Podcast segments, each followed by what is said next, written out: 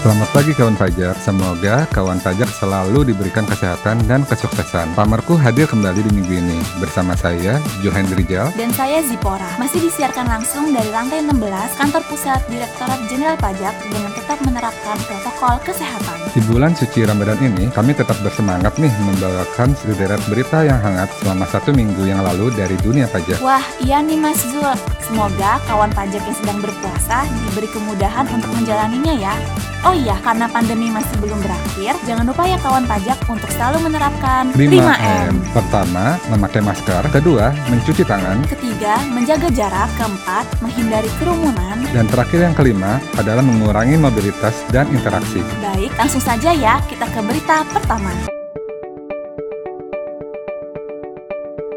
Pemerintah resmi membebaskan PPN atas biaya pasang dan biaya beban air bersih. Kebijakan tersebut tertuang dalam Peraturan Pemerintah Nomor 58 Tahun 2021. Aturan itu mengubah peraturan sebelumnya, yaitu Peraturan Pemerintah Nomor 40 Tahun 2015 tentang penyerahan air bersih yang dibebaskan dari pengenaan pajak pertambahan nilai. Peraturan ini mulai berlaku sejak 7 April 2021 ya kawan pajak. Aturan ini bertujuan untuk memberikan kepastian hukum mengenai penyerahan air bersih yang dibebaskan dari PPN. Benar Jipora, menurut Direktur Penyuluhan, Pelayanan, dan Hubungan Masyarakat DJP, Bapak Nel Maldrin Nur, fasilitas PPN yang diberikan dalam aturan sebelumnya hanya sebatas penyerahan air bersih saja, belum mengatur dengan jelas terkait biaya sambung atau biaya pasang serta biaya beban tetap air bersih. Pengamat pajak dari Center for Indonesia Taxation Analysis juga mengapresiasi aturan ini loh. Wah, bagus dong. Memangnya gimana sih pendapat mereka? Menurut mereka, aturan ini memperjelas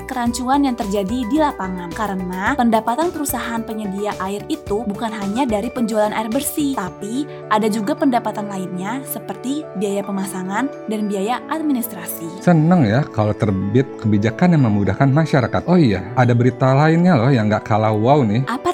Aku tebak pasti seputar insentif pajak. Bener banget. Selama dua bulan terakhir, cukup rame ya pemberitaan tentang dampak insentif pajak. Yang lagi booming sekarang ini adalah insentif EPNBM mobil. Seperti yang sudah kita ketahui ya, pemerintah sudah menerbitkan peraturan insentif mobil di awal Maret dan juga memperluas insentif mobil ini di awal April. Memangnya seberapa besar sih dampak insentif mobil ini? Jadi, penjualan mobil sepanjang Maret 2021 mencapai rekor tertinggi. Wow, memangnya seberapa besar kenaikan penjualannya? Berdasarkan data dari Gabungan Industri Kendaraan Bermotor atau GAIKINDO, total penjualan mobil domestik pada Maret 2021 sebanyak 84.000 unit. Ini merupakan jumlah tertinggi sepanjang kuartal pertama tahun ini. Kemudian penjualan Januari 2021 sebanyak 52.000 unit dan Februari 2021 sebanyak 49.000 unit. Kalau dihitung-hitung, berarti kenaikan penjualan sejak adanya peraturan insentif PPNBM udah lebih dari 50% ya, bener nggak? Bener banget, kenaikan dari Februari ke Maret bahkan mencapai 72%. Oh iya Jipora, aku punya cuplikan pidato Presiden Joko Widodo nih terkait dampak insentif mobil ini nih. Kita dengarkan dulu ya. Kebijakan relaksasi pajak juga telah diterbitkan pemerintah untuk mendongkrak penjualan dan daya beli produk otomotif untuk mendorong makin banyak permintaan agar ada demand di situ yang bisa menggerakkan industri otomotif kita.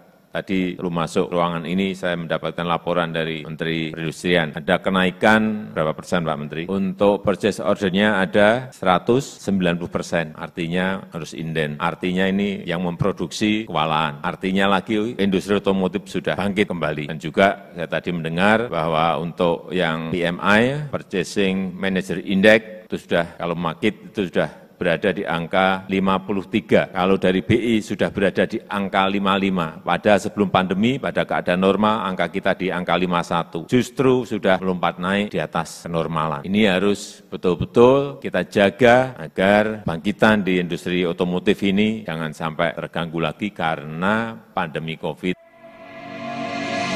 Bener banget nih, kebangkitan industri otomotif dapat menggeliatkan sektor industri terkait lainnya. Seperti yang kita ketahui, industri otomotif merupakan salah satu penggerak perekonomian yang melibatkan banyak pelaku usaha lokal dalam rantai produksinya, mulai dari hulu hingga ke hilir. Ya Mas Zul, relaksasi pajak ini mendongkrak daya beli sehingga tercipta demand yang menggerakkan industri otomotif dalam negeri dan berimbas pada kenaikan purchase order hingga 190%. Yap benar, kebangkitan industri otomotif juga dapat meningkatkan penyerapan tenaga tenaga kerja lokal, menggerakkan industri UMKM pendukungnya, serta mendorong peningkatan kesejahteraan masyarakat. Hmm, banyak sekali ya dampak positifnya. Semoga hal ini benar menjadi indikator bahwa perekonomian Indonesia sudah mulai pulih. Amin. Baik Jipora dan kawan pajak, sebelum menutup pamerku minggu ini, kita mengingatkan wajib pajak badan agar segera melaporkan SPT tahunan ya. Nah, ayo kawan pajak, segera laporkan SPT tahunan kalian ya. Karena pajak yang kalian setorkan dan laporkan akan kembali lagi untuk kebaikan kita dan negara kita.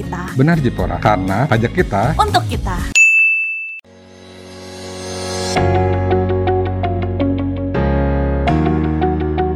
Terima kasih Jipora dan semua kawan pajak yang sudah mendengar berita pamorku di minggu ini. Jangan lupa ya untuk update berita pajak setiap minggu melalui Pamorku, podcast berita kesayangan kita semua. Sampai jumpa.